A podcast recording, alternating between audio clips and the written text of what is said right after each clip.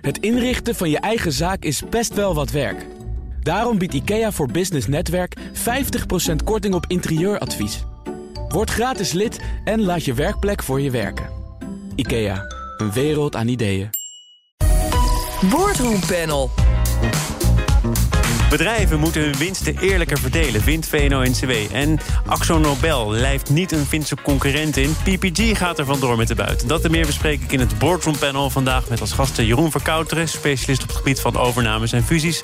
van Factor Bedrijfsovernames en Stefan Peij, directeur en oprichter van de Governance University. Welkom heren. Dankjewel. Dank je. Laten we het hebben over die nieuwe koers van de werkgeversorganisaties VNO, NCW en MKB Nederland. Een opvallende koerswijziging. Het gaat niet alleen maar over economische groei, maar over brede welvaart. En de voorzitter van VNO-NCW, Ingrid Thijssen, zei daar eerder dit over op BNR. Wij vinden dat we een ander kompas moeten nemen. Dat gaat uh, natuurlijk over economische groei, dat blijft belangrijk. Maar niet alleen daarover. Het gaat ook over een inclusieve samenleving. Dus met gelijke kansen en met werk. En het gaat ook vanzelfsprekend over duurzaamheid. We hebben ook een andere rolopvatting. Wij uh, willen ook heel graag daar meer verantwoordelijkheid doornemen. Stefan, waar komt deze koerswijziging vandaan? Ja, het is uh, een, een, een, samenkomst van een paar dingen. Uh, Ingrid Thijssen is de nieuwe topvrouw van VNO-NCW. Die komt met een bepaalde visie, achtergrond, komt ze binnen. In eerdere interviews zag je wel iets al deze richting opgaan. Tweede is een beweging die al veel langer gaande is. En dat is iets groters. zoals in de code tabaksblad of de nieuwe Corporate Governance Code 2016... niet zo nieuw meer, staat van lange termijn waardecreatie. ja, maar het staat er allemaal wel en dat ja. weten we ook al jaren. En toch is er de afgelopen jaren niet altijd even fanatiek aan gewerkt. Nee, dat klopt. En de druk wordt wel steeds groter. Want ook aandeelhouders gaan steeds meer vinden dat het duurzaam moet zijn. En niet greenwashing, hè, zoals een mooie groene voordeur maken. Maar echt uh, groen werken, duurzaam. En het is natuurlijk ook een stap richting de werknemers. Eh, om die uh, eeuwige kloof in ons poldermodel. Dus ik denk dat het eigenlijk een hele grote beweging is. misschien dat het poldermodel wel verleden tijd gaat worden. Want dit is toch juist een beweging naar die werknemers om die kloof te overbruggen bij uitstek iets wat via de polder gerealiseerd kan worden. En ook de afgelopen decennia is gerealiseerd. Ja, het is een, een, een samenkomst dus van een aantal uh, stromingen. Dus de, de, de überhaupt duurzamer wensen. De aandeelhouders die daar druk op zetten. Die zelfs grote bedrijven als BlackRock, die daar zelf volgens mij helemaal niks bij voelt. Maar wel het doet voor zijn stakeholders. Zegt van nou, dan gaan we het allemaal duurzaam maken. En dat stuk dus van de Nederlandse cultuur. Dat we zeggen, als we die stap maken en we, we zijn empathisch naar elkaar toe. En we werken eigenlijk aan hetzelfde doel. En dat probeert zij denk ik heel duidelijk hier uit te stralen. Dat er de kloof eigenlijk wordt gedicht. En we meer de schouders samen eronder kunnen zetten. Wat valt jou op, Jeroen, als je dit zo hoort? Nou ja, een aantal dingen vallen mij op in het interview ook. Eén is dat zij inderdaad heel erg richt op uh, jongeren ook. Uh, stageplekken, dat soort zaken. En ik denk dat dat een hele goede zaak is. Kijk, onderwijs is altijd een belangrijk aspect geweest, ook voor de werkgevers. Dus daar zie ik zeker wat in. het stakeholderverhaal, ja, dat is eigenlijk al de afgelopen jaren een modewoord geweest. Maar het is mooi dat mensen dat oppakken. Wat me dan tegelijkertijd opvalt, is dat als je alles goed leest, zegt ze ook: ja, maar het ontslagrecht moet wel weer versoepeld worden. Dus er zit ook wel weer wat in. Wat, uh, het is ook wel geven en nemen. Als we dan toch over het poldermodel hebben. Ja, we willen best wel uh, meewerken aan verduurzamen. Maar ja, dan moet je dan ook zorgen dat wij wat flexibeler kunnen zijn met ontslaan ontsla van mensen. Als dat mogelijk moet, ja. moet zijn. En er wordt een, ja. een, aantal dingen gesuggereerd waarvan uh, heel veel mensen zullen zeggen dat het belangrijk is. Zoals inderdaad een stageplek voor iedereen. Dat moet geen voorrecht zijn, maar dat moet een ja. recht zijn. Dat is niet zomaar iets wat je toevallig uh, toekomt. Dat hoort er gewoon bij. Uh, de mensen met een afstand tot de arbeidsmarkt. Er zijn banenafspraken over gemaakt, waarvan overigens de afgelopen periode rapporten zijn verschenen dat die afspraak niet gehaald wordt. Ja. Valt op verschillende manieren naar te kijken. Maar dan kun je wel zeggen, ja, dat vinden we belangrijk. Sterker nog, we gaan het aantal mensen dat we op die manier aan de slag willen helpen verdubbelen. Maar hoe ga je het voor elkaar krijgen? Nou ja, dat is ook wel weer grappig. Want ook in hetzelfde verhaal staat natuurlijk van... ja, ga, hoe gaat de werkgevers dan investeren daarin? Ja, en dan krijg je een verhaal terug van ja, de overheid... en uh, lastenverlichting en dat soort zaken. Dus het is ook maar de vraag hoe je dat precies oppakt. Ja. Maar ik denk wel bijvoorbeeld stageplekken... dat is wel iets wat je uh, bedrijven uh, kan toe verplichten zelfs. En ik denk dat dat een goede zaak kan zijn. Ja. En dat kost het bedrijf aan zich ook helemaal niet zoveel geld. Nou, dat moet je je maar afvragen. Want op dit moment, hè, we praten erover op het moment... dat die stageplekken ontzettend onder druk staan. Ja. Omdat er voor heel veel mensen uh, al geen, geen, geen werk is voor de werknemers... die op de een of andere manier aan de slag uh, gehouden moeten worden. Het kost tijd, het kost geld op het moment dat, zeker in een crisisperiode... je geen tijd en geen geld hebt. Ja, ik denk eigenlijk niet dat we meer moeten gaan verplichten aan bedrijven. Want als je dit gaat verplichten aan bedrijven. en ze hebben al zoveel compliance-regels. en de externe toezichthouder. die treedt eh, overal strenger op. En, enzovoort. Enzovoort is altijd plus plus. Uh, liever stimuleren om dit te gaan doen. Uh, maar wat dat betreft vind ik ook, ook net alsof de VNO-NCW. een soort politieke partij is geworden. die met een programma komt. Ja. zonder concrete uitwerkingen. Nee, dat mag je niet zo zeggen. Want in Thijs werd er naar gevraagd. Hè. Het is net ja. het verkiezingsprogramma van GroenLinks ja. hier ja. openslaan. Nou, dat zeg ik niet maar het lijkt wel op een politiek pamflet. Ja, maar je, je mag wel natuurlijk uh, richting aangeven als uh, belangrijke Zeker. werkgeversorganisatie. Zeker. En dat, dat, doet ze dan ook wel weer. Ja. Nee, dit, ze, gaan wel ergens voor staan. Deze organisatie gaat ergens voor staan. En daarmee uh, herpositioneert hij of zij zich in de maatschappij. Eh, komt dat ook omdat, uh, en dat is ook in dit panel wel vaker besproken, het bedrijfsleven er in Den Haag niet zo goed op staat? Er zijn hoogleraren die zeggen dat er misschien wel wettelijk het een en ander moet worden geregeld om die macht of de, de geldzucht van bedrijven aan banden te leggen. Kun je dan beter op deze manier zelf uh, de vlucht naar voren nemen? Nou ja, ik denk dat dat wel inderdaad goed gegeven is. Kijk, het is natuurlijk ook voor uh, VNO, maar ook voor MKB Nederland... natuurlijk wel zaak om hun positie te verstevigen. In ieder geval uh, ja, positief daglicht te stellen. En dat, dat, op deze manier kan je dat ook makkelijk realiseren. En ik denk dat het ook... Kijk, het zijn natuurlijk ook mooie woorden, stakeholderschap, et cetera. En mensen gaan daarin mee. Ja. Nou, nou, kwam net wel eventjes uh, al de, de rekening ter tafel. Hè? De investeringsplannen van VNO-NCW. En dan bedoelt ze dus het hele pakket. Dat zou 20 miljard euro kosten. Maar, zegt ze dan, dat resulteert in uh, eh, 20% extra welvaart per hoofd van de bevolking. Heeft ze uit een uh, model van de Rabobank opgepikt. Ja. En dan komt inderdaad de vraag, Jeroen, die jij al ja. een beetje aanstipte. Wie gaat dat dan betalen? Dan heeft het over een publiek belang. Ook een publiek aandeel in die 20 miljard. hogere winstbelasting werd gevraagd door de journalist van het AD. Daar werd het al wat... Ja. Ja, wat spannender. Ja, wat spannender. Dat was ook al niet zo de bedoeling. Nee, maar hoe, hoe, hoe, ga je dit dan voor elkaar krijgen? Ja, kan natuurlijk eigenlijk alleen door de, de, bedrijven worden betaald. Want alles wat de overheid gaat betalen, zullen ze ook via de belastingen weer terug uh, willen gaan halen. Dus het lijkt me wel duidelijk dat daar de rekening dan moet komen te liggen. En daarom denk ik ook dat je beter kan stimuleren dan verplichten. Want anders leg je gewoon weer een rekening neer. En ik denk overigens dat die 20% wel vaart. Ik denk eh, over, dat we soms te weinig denken in termen van welzijn. Want 20% eh, welvaart is volgens mij nodig om het huidige welzijnpeil überhaupt op peil te houden. Dus nou wordt hij even heel, uh, heel spannend. Ja, nee, ik, ik, ben nog bezig met het verteren van de zin. Maar er wordt hier wel bewust gesproken door Ingrid Thijs over brede welvaart. Dat is natuurlijk iets anders dan puur economische groei. Ja, dat klopt, ja. Maar de vraag is dus... Kijk, het, het is natuurlijk ook een heel uh, uh, ja, uh, lastig begrip, welvaart. Voor wie is die welvaart dan? Ja. En hoe ga je die dan verdelen? Is puur financieel? Ja, ja, is het puur financieel? Of is het inderdaad welzijn? Of heb je daar andere aspecten bij? Kijk, ik, geloof, en daar hebben we wel vaker in een uh, panel over gehad... ik geloof heel erg in onderwijs. Ik geloof heel erg dat je jongeren moet stimuleren. Nou, uh, jij zegt van ja, je moet niet, bedrijven niet dwingen. Misschien gaat dat inderdaad te ver, maar ik denk best dat stageplekken en dat, dat opleidingen wel heel erg belangrijk zijn. En dat bedrijven daar ook wel een rol in moeten spelen.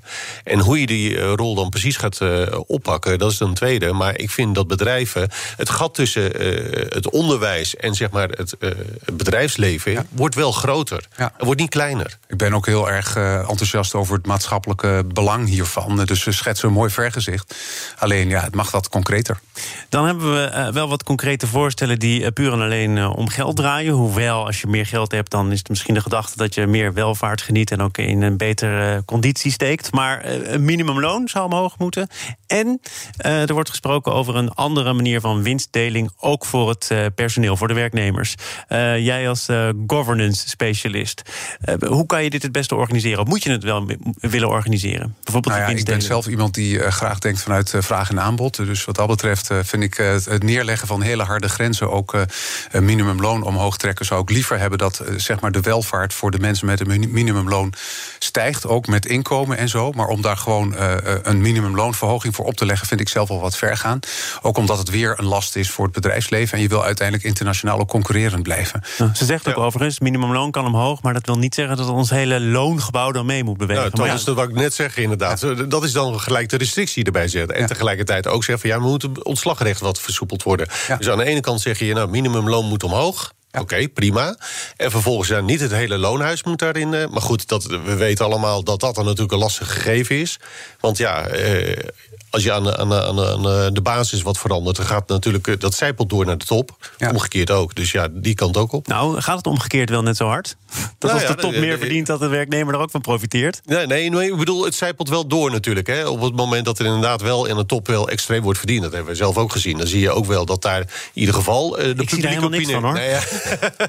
Jij niet dan in deze organisatie niet. Maar de publieke opinie in ieder geval, die maakt daar wel een. Oh, ja, de eh, publieke opinie. Hey, nog, nog even de winstdeling tot slot. Want uh, ja, daar kan je ook verschillend over denken. Namelijk, uh, als het bedrijf het goed doet, dan moet iedereen daarvan profiteren. Ja, vind uh, ik heel mooi. Ik vind het zelf heel mooi. Je zegt het zo mooi dat ja, ik denk, nou, ja, maar ik ben heel enthousiast over. We moeten alleen geen Amerikaanse toestanden krijgen dat uh, zeg maar de winstdeling, dat je pensioen daarvan afhankelijk gaat worden. En als het bedrijf niet zo goed gaat, dat je pensioen in gevaar komt. Dus vermijd Amerikaanse toestanden daarin. Uh, maar het principe van de winstdeling is natuurlijk heel mooi. Ja, ik, kijk daar toch iets genuanceerder naar. Ik bedoel, ik vind het, het is natuurlijk een mooi principe, maar je moet zorgen dat dat niet een soort aanjager wordt voor het hele bedrijf, bedrijf alle werknemers, dus inclusief de top, dat ze een bepaalde richting uh, opgaan voor korte termijn uh, gain en niet voor het langzaam, uh, het lange termijn duurzaamheid. En, wat vinden jullie van uh, een winstdeling als je dat afzet tegen het risico dat mensen lopen? Je kunt ook zeggen aan de top heb je een groter afbreukrisico. Daar zit je er soms misschien ook wel echt persoonlijk in. Uh, dus er hoort dan ook bij dat als het goed gaat, dat je daar wat anders of beter voor wordt beloond dan een werknemer die over het algemeen wat minder risico loopt. Nou ja, dat, dat zit in het ondernemerschap natuurlijk. En dat zie je zeker in het MKB natuurlijk. Uh, daar zijn ondernemers vaak ook de aandeelhouders van het bedrijf.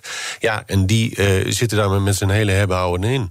Ja. dat die daar meer van profiteren, dat is eigenlijk ook wel mee. Je kan het natuurlijk ook anders organiseren door uh, sneller over te gaan tot aandelen voor werknemers. Ja, ja. nou dat is een manier natuurlijk ook van winstdeling. Want het mooie daarvan is dat je op lange termijn, want je, gaat, je moet dan wel een verplichting daar tegenover stellen. Dat je dus niet aandeelhandelaar wordt in je eigen bedrijf. Maar aandelen is natuurlijk een hele mooie vorm van winstdeling. Uh, je bindt uh, mensen ermee, mee, maar je moet ook dus afspreken dat ze ze wat langer aanhouden. En uh, ik denk dat een mooi voorbeeld van winstdeling vind ik zelf bij mijn zoon van 19 die bij de Albert Heijn werkt, gewoon als bijbaan. Dat hij ook gewoon winstuitkeringen krijgt en daar misschien niet harder van gaat lopen. Maar ja, nu nog een, wel een leuke CAO voor het supermarktpersoneel. Ja, ja. dat dan weer niet. Dat is waar. Ehm, we moeten het over iets anders hebben, want zo meteen komen die accountants niet aan bod. En dat zou toch zonde zijn? Dat zou... Zaken doen. Zaken doen. Het boardroompanel is aanwezig. Jeroen Verkouteren van Factor, uh, bedrijfsovernames en fusies. Daar is hij aan verbonden. En Stefan Pij, directeur en oprichter van de Governance University. En we gaan het over accountants hebben. Ik zei bij de knipoog, want daar hebben we het wel vaker over. En toch, Stefan, ben je erin geslaagd om dit onderwerp door de commissie heen te loodsen. En staat het weer op de agenda. Waarom? Waarom? Omdat het een uh, onderwerp blijft waar we steeds wel weer een nieuw element aan kunnen toevoegen, denk ik. Het blijft ook bestaan, want de oude problemen, die kennen we. Hè. Uh, Jeroen had het er net al even over in het voorgesprekje van... Uh, ja, er zijn eigenlijk maar zes accountants nog die beursgenoteerde bedrijven kunnen controleren. Eigenlijk zijn het er maar vier die dat bij grote internationale bedrijven kunnen. Ja. Gebrek aan concurrentie, dat zijn de vraagstukken waar je het hier waarschijnlijk al dertig keer over hebt gehad. Het Verras me. Ja. dus, dus dan is het de volgende stap gaat hier over de commissarissen van bedrijven die eigenlijk niet goed werken, samenwerken met de accountant. En dat vind ik een professionaliseringsaspect voor commissarissen wat uh, dan ontbreekt. Ja, de AFM heeft een enquête uitgedaan onder commissarissen, waarin het onder andere gaat over hoeveel zij nu eigenlijk weten van een accountant, of ze wel goed zijn geïnformeerd omtrent de keuze voor een accountant, of ze de aandeelhouder wel goed hebben geïnformeerd. En wat, wat komt eruit naar voren? Ja, dat, dat ze dus eh, onvoldoende uh, uh, samenwerken met de accountant en eigenlijk te weinig kennis lijken te hebben voor wat je, wat je nodig hebt om met een accountant samen te werken. Een accountant moet je een aantal keer per jaar zien. En uh, dat is niet even uh, geïnformeerd worden nadat het bestuur misschien al de mantel der liefde over een managementletter heeft kunnen leggen. Uh, maar vooraf over het controleplan, tussendoor met de auditcommissie, minstens drie keer per jaar. Ja, want we moeten dat onderscheid misschien wel even maken. Hè? Je hebt de Raad van Commissarissen en dan heb je nog weer een, een deel van die raad. En die heeft specifiek deze portefeuille, de auditcommissie. Ja. en die weten dus ook te weinig van de gang van zaken? Nou ja, dat blijkt dan uit dat onderzoek. En dat is natuurlijk schokkend, want uh, uh, dat is nog niet zo sterk naar voren gekomen. Dus ik schrok er eigenlijk ook wel van. Ja, ze zeggen het overigens dus zelf. Hè? Het is een bevinding van die commissarissen zelf. En, en wat, wat, zouden ze dan, of wat zou jij hen aanraden? Ja, ik ben van de Governance University, dus ik zeg volg een goede opleiding. En zorg ervoor dat er een onderdeel in zit over omgang en opdrachtgeverschap van de externe accountant. Wat gaat er mis op het moment dat er niet voldoende wordt samengewerkt? Ehm, eh, de accountant is eigenlijk het verlengstuk van de Raad van Commissarissen. Die kijkt gewoon mee. De, de Raad van Commissarissen die onderschat vaak hoe belangrijk de accountant is als onderdeel van zijn kijken. Dus het hele, hele verhaal van toezicht houden en waarnemen, wordt, daar word je bij ondersteund door compliance officers, internal uh, auditors en dus ook de externe accountant. En die partijen, net zo goed als de externe toezichthouder die ook meekijkt, die kunnen jou gewoon helpen met informatievoorziening. En je werkt dus. Uh, maar mag je van een, van een accountant, en vaak is dat de Big Four, want zoveel smaken zijn er niet als groot bedrijf niet verwachten dat hij ook, zonder dat hij aan het handje loopt van een auditcommissie, gewoon goed zijn werk verricht? Ja, je mag dat uh, verwachten. En dat uh, blijkt dus onvoldoende het geval. Dus dat is juist ook het hele zorgwekkende hier. Dus uh, daarom ben ik er ook van geschrokken. Jij ook geschrokken? Ja, ik, niet helemaal geschrokken. Kijk, het is wel zo dat, we hebben het er inderdaad de Big Four... er zijn ook niet zoveel smaken waar een uh, auditcommissie uit kan kiezen. Dus de vraag is dan ook van, ja, soms zijn ze al blij... dat er één of twee accounts zeggen van... joh, we willen ook inderdaad de boeken controleren. Ja, en dan heb je ook niet zoveel keuze. En dan moet je maar zeggen tegen de accountant, oké, okay, uh, prima. Uh, er zijn zelfs kleine beursfondsen die geen, vorig jaar geen accountant konden vinden... omdat ze simpelweg accountants zeiden van... joh, wij willen dit niet. Ja. We willen deze opdracht maar, niet. strikt genomen is het volgens volgens mij wettelijk verplicht om je aandeelhouders een keuze voor te leggen. Waarin je wel zegt: onze voorkeur gaat uit naar A, maar als jullie B willen, dan, dan mag het ook. Klopt, maar als ze maar één offerte binnenkrijgen. Ja. Als maar één accountant zegt: wij willen uh, de controlerende functie uh, overnemen voor het bedrijf. Ja, dan is het wel lastig. Dan kun je tegen de aandeelhouder zeggen: ja, we hebben, uh, we hebben er vier gevraagd en eentje heeft maar toegehad. Ja, omdat de rest bijvoorbeeld met advieswerk veel daar verdient. Exact, ja. En, dan kun je en dat, dus is dus, en dat is natuurlijk ook wel lastig. Ja, dus want even altijd... voor de mensen die die vorige dertig keer gemist hebben: het, het mag niet zo zijn dat je enerzijds de rekeningen controleert en de cijfers uh, tot je neemt. En anderzijds geld verdient met advieswerk voor hetzelfde bedrijf. Ja, dat lijkt mij duidelijk. Ja. ja dat, en is, soms, dat is, uh, dank voor de uitleg. Ja, ja en, en, soms is het ook in een bepaalde business natuurlijk. Hè. Kijk, een accountant kijkt ook wel van ja, je kan ook niet te veel klanten in dezelfde uh, activiteitengroep hebben. Nee, oké. Dus, dus, dus de, de, de keuze is bepaald niet reuze. Hoe kan je dit probleem proberen op te lossen? Het heeft eigenlijk twee aspecten. Het heeft natuurlijk de auditcommittee slash raad van commissarissen aan de ene kant, die professioneler om kan gaan met de accountant, zich bewuster moet zijn van het belang van de accountant voor zijn werk. En ook moet zorgen dat hij gelijktijdig wordt geïnformeerd over de uitkomsten van de accountantscontrole met het bestuur. En niet op de achterbank moet gaan zitten en het bestuur dat uh, eerst uh, helemaal laten doorkouwen. Dus gewoon wat meer on the forefront, uh, op het front gaan zitten daarvan.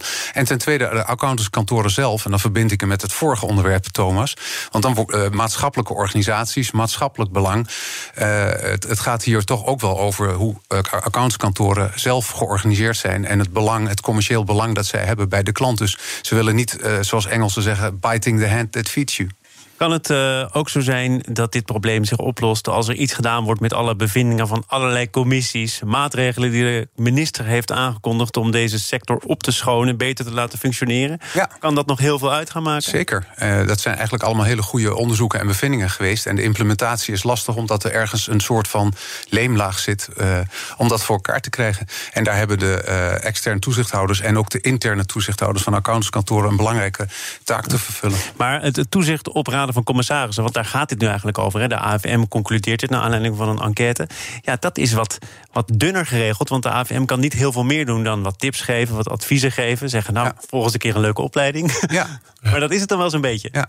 Ja, de AVM die gaat eigenlijk niet over de commissarissen waar ze nu onderzoek onder hebben gedaan. Nee. Dus we kunnen inderdaad dit constateren, de alarmbel laten luiden en vervolgens uh, wat goed advies geven. Dus ik ben het helemaal met je eens. En ik denk ook dat het wel een wake-up call is. En ik hoop eigenlijk dat andere uh, toezichthouders, voor mijn part de aandeelhouders van de bedrijven die het hier betreft, uh, daar ook wat, wat naar gaan kijken. Want die ja. moeten ook hun commissarissen bij de les houden. Nou ja, dit is weer een reden waarom je zegt dat de professionalisering van de commissarissen wel heel erg belangrijk is. Ja.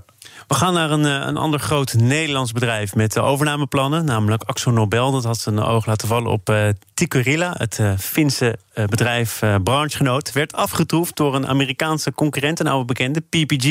Ik heb er eerder over gesproken met emeritus hoogleraar Hans Schenk. ook specialist op het gebied van fusies en overnames. En die had bepaald geen felicitaties over voor PPG. In het algemeen laten onze sommetjes zien eh, dat een premie van 30% al bijna niet meer terug te verdienen is. En dat betekent dat er geen bedrijfseconomische eh, rationaliteit onder zo'n bod ligt, maar vooral strategische rationaliteit. En dat heeft alles te maken met de concurrentie tussen PPG en AxoNobel. Eh, in die zin dat men graag elkaar bestrijdt in elkanders achtertuin. In elkanders achtertuin. En de eerste slag zou dan nu dus zijn voor PPG. Maar ja, het is wel een slag met een uh, prijskaartje eraan. Dat is absoluut zo waar. Eh, het kost hun geld. Maar ja, eh, op de long run kan dit wel heel erg gunstig uitpakken. En dat is, oh, dat is waarom zegt dus het is onder eigenlijk geen enkele omstandigheid nog een beetje normaal terug te verdienen. Nou, hij zegt bedrijfseconomisch is het inderdaad niet terug te verdienen. Ik, ben het, ik waag dat ook te betwijfelen, want uiteindelijk gaat het erom van ja, wat kan je er op lange termijn uithalen. Strategisch gezien is het natuurlijk heel interessant om op de, in de Europese markt door te breken.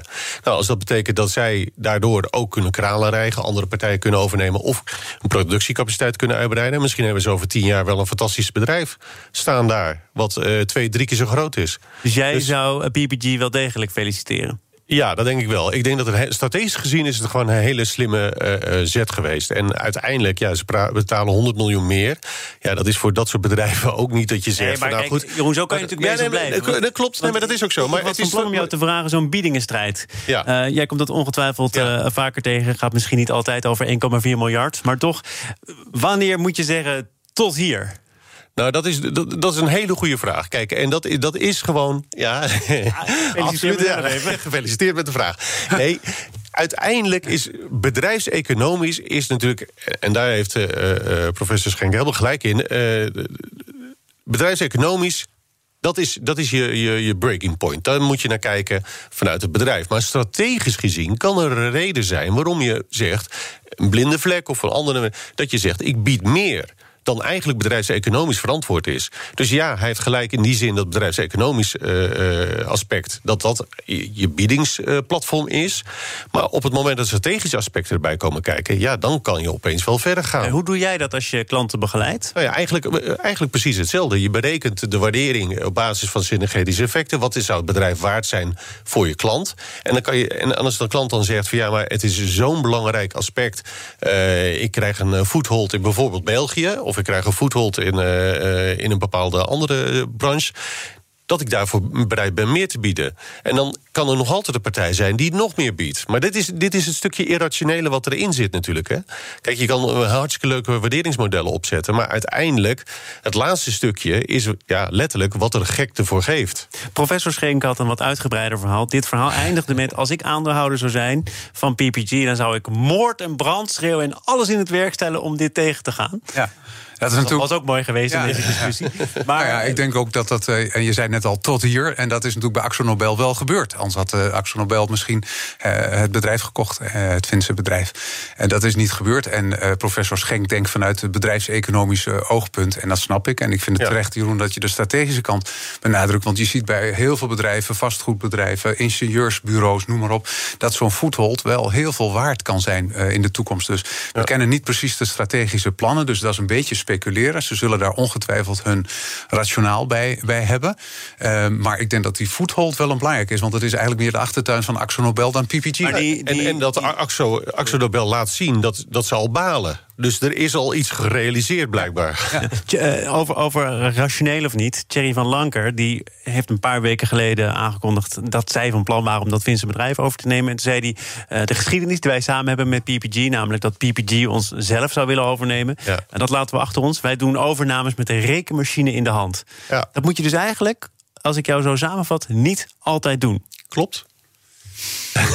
Nee, ja, nee, dan, dan weten we dat. Zou, zou, dat. zou dat overigens toch nog wel spelen? Dat, dat... Overigens, overigens, het kan ook de andere kant, nee, maar het kan ook de andere kant op werken. Hè? Dat je inderdaad te veel betaalt en een kat in de zak koopt. Hè? Laten we nou niet doen ja, alsof dit, nou... Ja, ja, nee, maar goed, ja, jij zegt van ja, het rationele moet je inderdaad wel los. Dus, dus die rekenmachine moet je soms uit je hand laten vallen... maar niet altijd weggooien. Nooit weggooien. Goed zo. Bij de hand houden. Ik, um, wil jullie graag bedanken voor jullie bijdrage aan het Boardroom Panel. Jeroen Verkouteren, uh, specialist op het gebied van overnames en fusies van Factor Bedrijfsovernames. En Stefan Pij, directeur en oprichter van de Governance University. Zometeen dan uh, is het woord aan uh, VVD-Kamerlid Thierry Aartsen over de economische plannen van zijn partij in aanloop naar de verkiezingen van 17 maart. Als die doorgaat. Een kleine update maakt een wereld van verschil. Daarom biedt IKEA voor Business Netwerk gratis snelle interieurtips en ideeën. Word gratis lid en laat je werkplek voor je werken. IKEA, een wereld aan ideeën.